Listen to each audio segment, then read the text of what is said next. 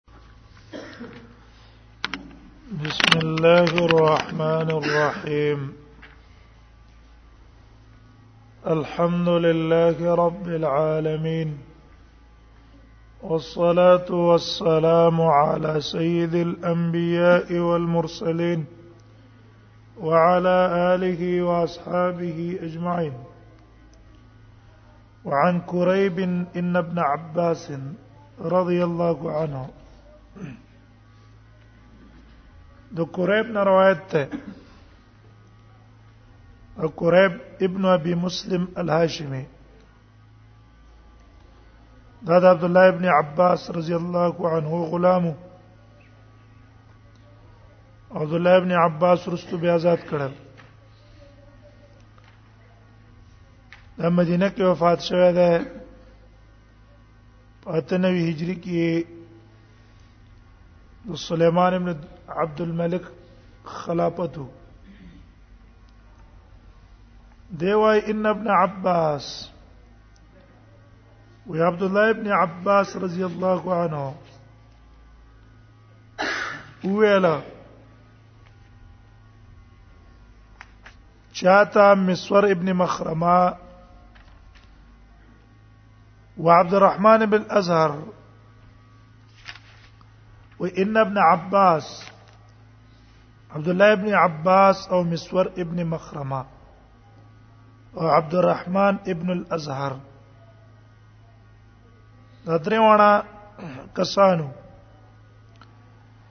ارسلوه الى عائشه زي اولګلم عائشه رضی الله عنها ته دریوانو راته ویل چې تلاړ شه عائشه رضی الله عنها ته او دا غینا د دې مسلې په اړه کې ته پوښوکا مسور ابن نوفل هم صحابي دی عبد الرحمن بن الازهر دام صحابي ده عبد الرحمن ابن عبد الترزي او تقریبا د عبد الله ابن عباس سره په عمر کې نږدې وو فقالوا دې ټول راته ویاله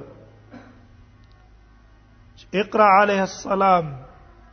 اولولا ول په عائشه رضی الله عنها باندې زمنګ طرف نه سلام تلاړ شه عائشه رضی الله عنها ته وای عبد الله ابن عباس او مسور ابن مخرمه عبد الرحمن بن اسر در باندې سلام کو او سلام نه پس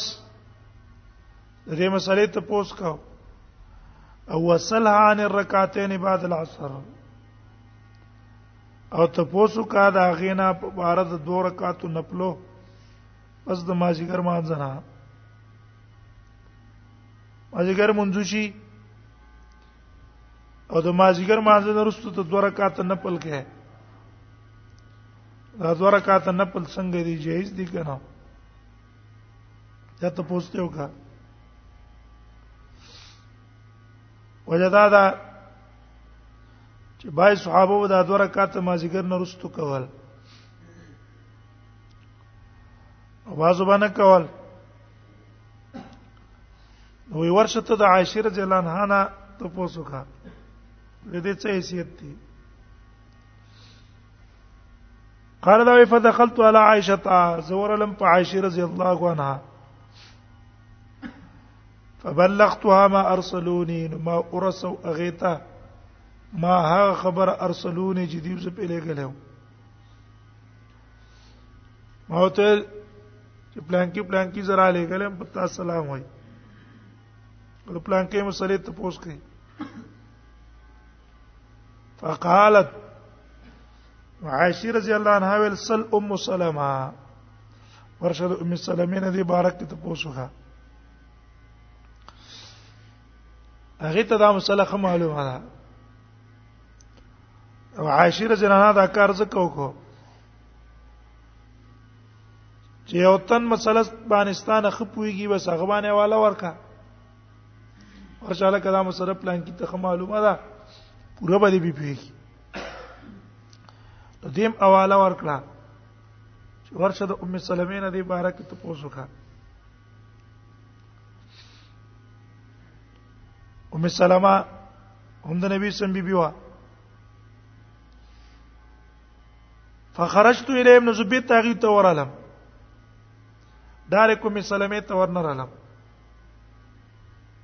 دینه دا معلوم شو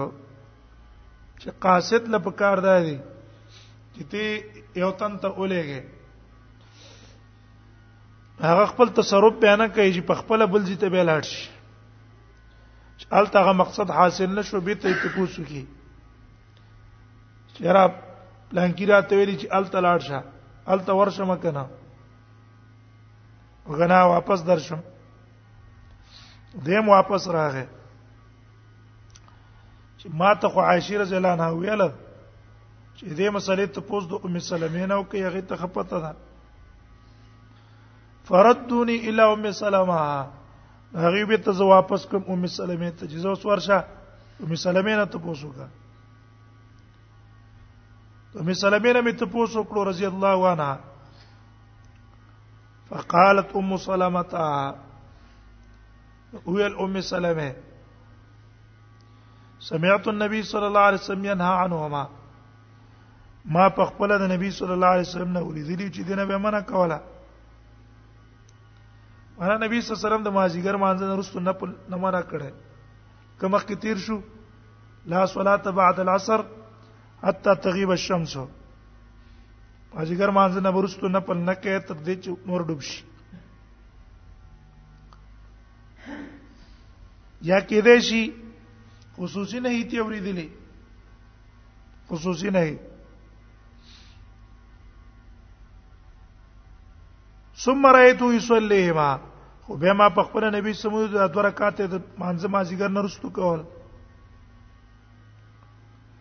ثم دخل وبیا نبی صلی الله علیه وسلم کور ته راغی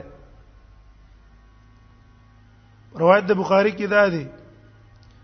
ثم رأيته يصليهما حين صلى العصر ما نبی صلی الله علیه وسلم ولیدو چې ماجګر مونږ به وکړو نو رسته به دا دوه رکعات کول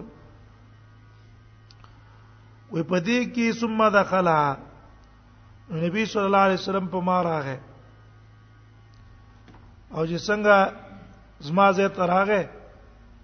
دوه رکعاته وکړه غم نبی صلی الله علیه وسلم په ماجګر ټیم کې په بیان ورتلو اول به شروع د ام سلمې نه کوله او اخر به عائشه رضی الله عنها کا ورتلو په دوه رکعاتو ودرېدو ارسلت الیه الجاریه بما ورولې ګره نبی صلی الله علیه وسلم ته یو جنای کې دې چې دا دی غلور و زینب د نبی سم پر کټه و دا مې ورولې ګره فقلت ما تلقولي له نبی صلی الله علیه وسلم ته وایي تقول ام سلمہ ام سلمہ وای یا رسول الله د الله پیغمبر سمعتک ما تا نه اوریدلې دي تنها نه هاتین رکعتین د دوه رکعاتونو د منع کړی دا چې ما ذکر نه برستو نه پل نه کوي و اراک تصلی ما او زه تا په خپل اینه ما چې په خپل دوه رکعات کې نور دې منع کړی دي په خپل منع خپل کې دا وله قال او نبی سلام عليه وسلم ابنته ابي اميه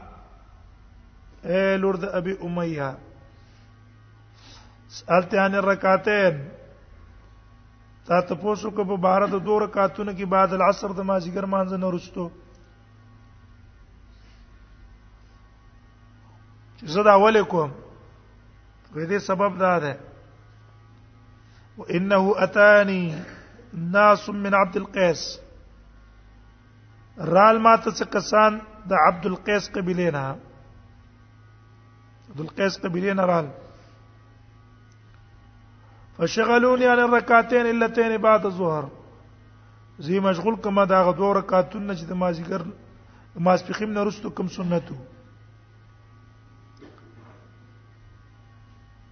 هغه سم خبرې شروع کړې شروع کړې ست دوه رکعات را نه پاتې شو په دې نه مسله دا معلومه شو چې کله ډېر کارونه راجم شي چې کم پکې ضروری دی هغه مخکې کول پکار دی دیو جن نبی صلی الله علیه وسلم هغه قوم سره ذل قیس ته چې کومه قبيله راغلي و دا هغه څه خبرې وکړلې دې لپاره چې په اسلام کې مضبوط داخل شي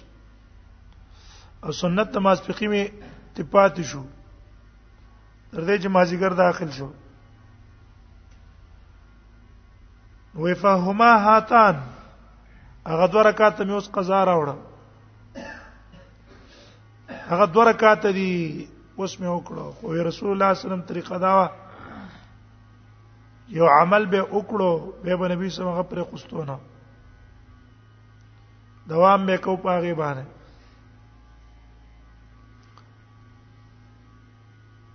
وګوره دینه معلوم شو چې رسول الله صلی الله علیه وسلم دوه رکعات رستو کړي دي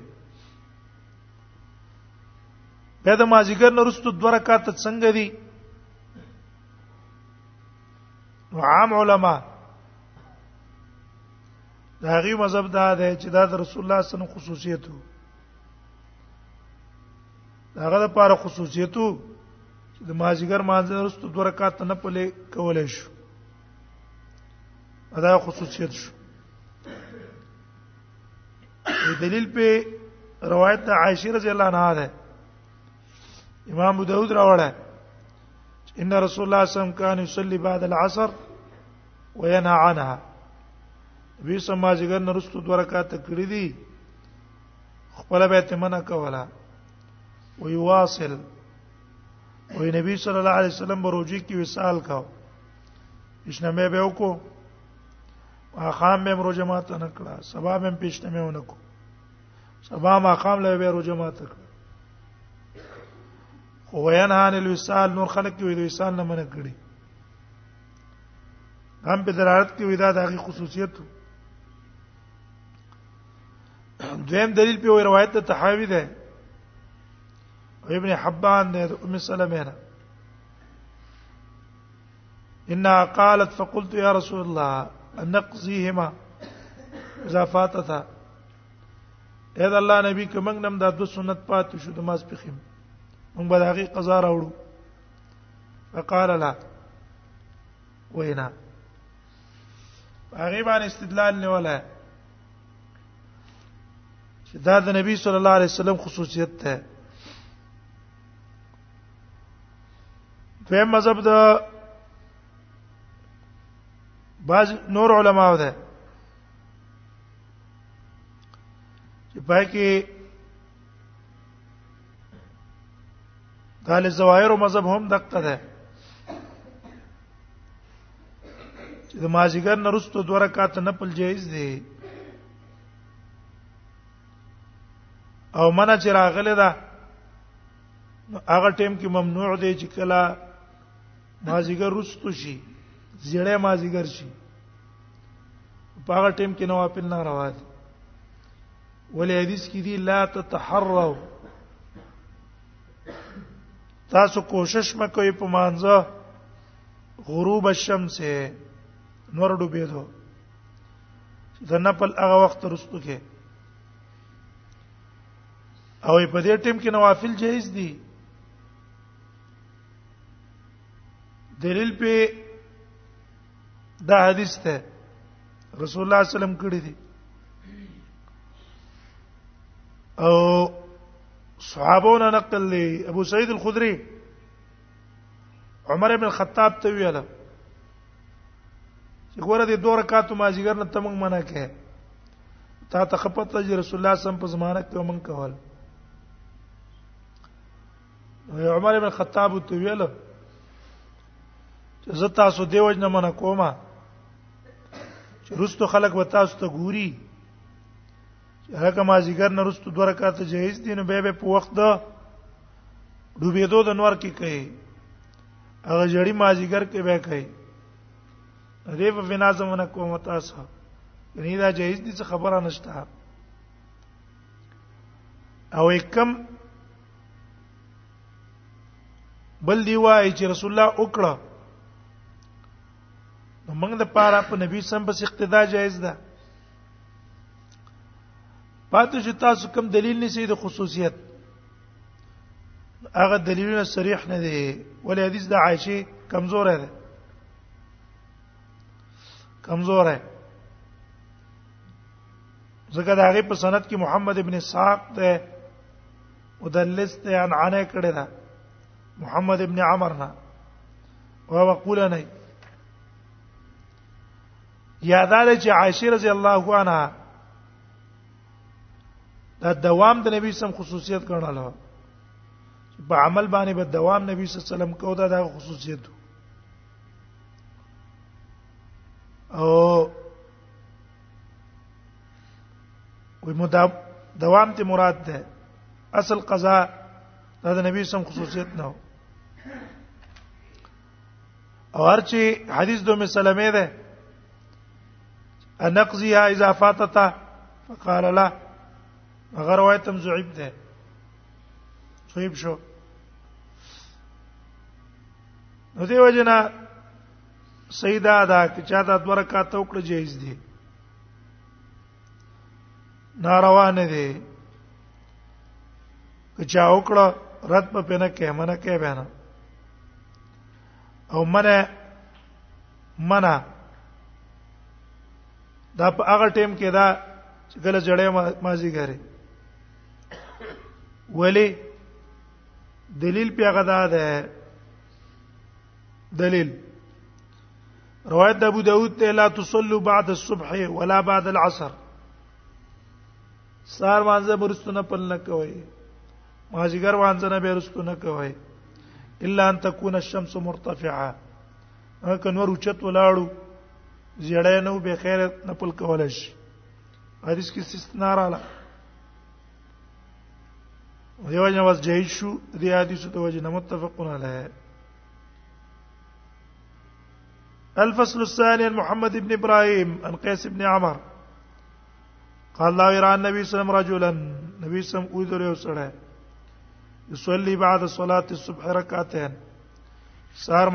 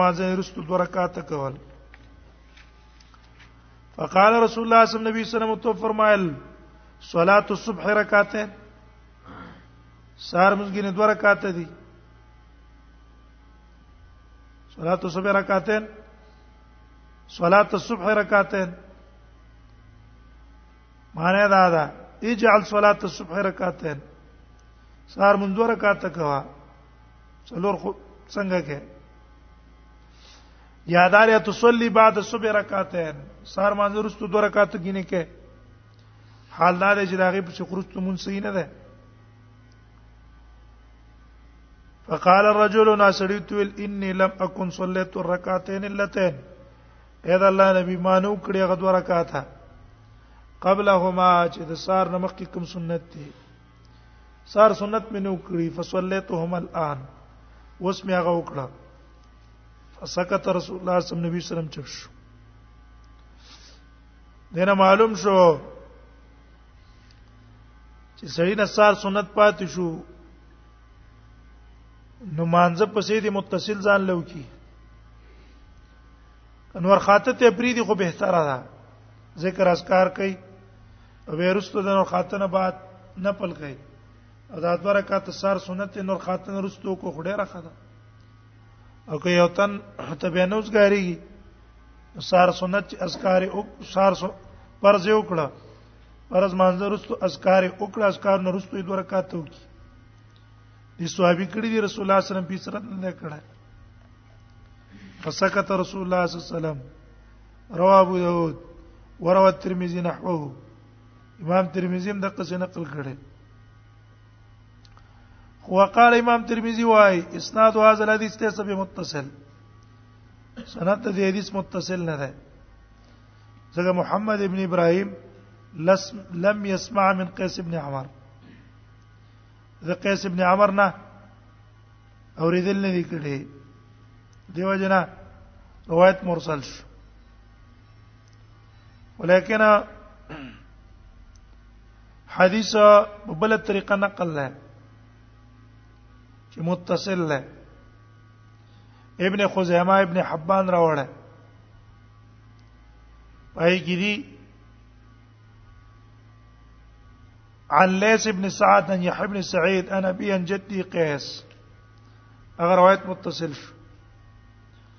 دیو امام شوکانی سے وای امام ترمذی وای چې دا حدیث متصل نه ده دا خبره کمزوره ده بلکې دا روایت متصل هم را نقل شوی ده چې حدیث متصل شو مسله ته ثابت شو سار مانځ نه رستو سړی نه سنت پاتی سنت پسې کولای شي اټه مم کولای شي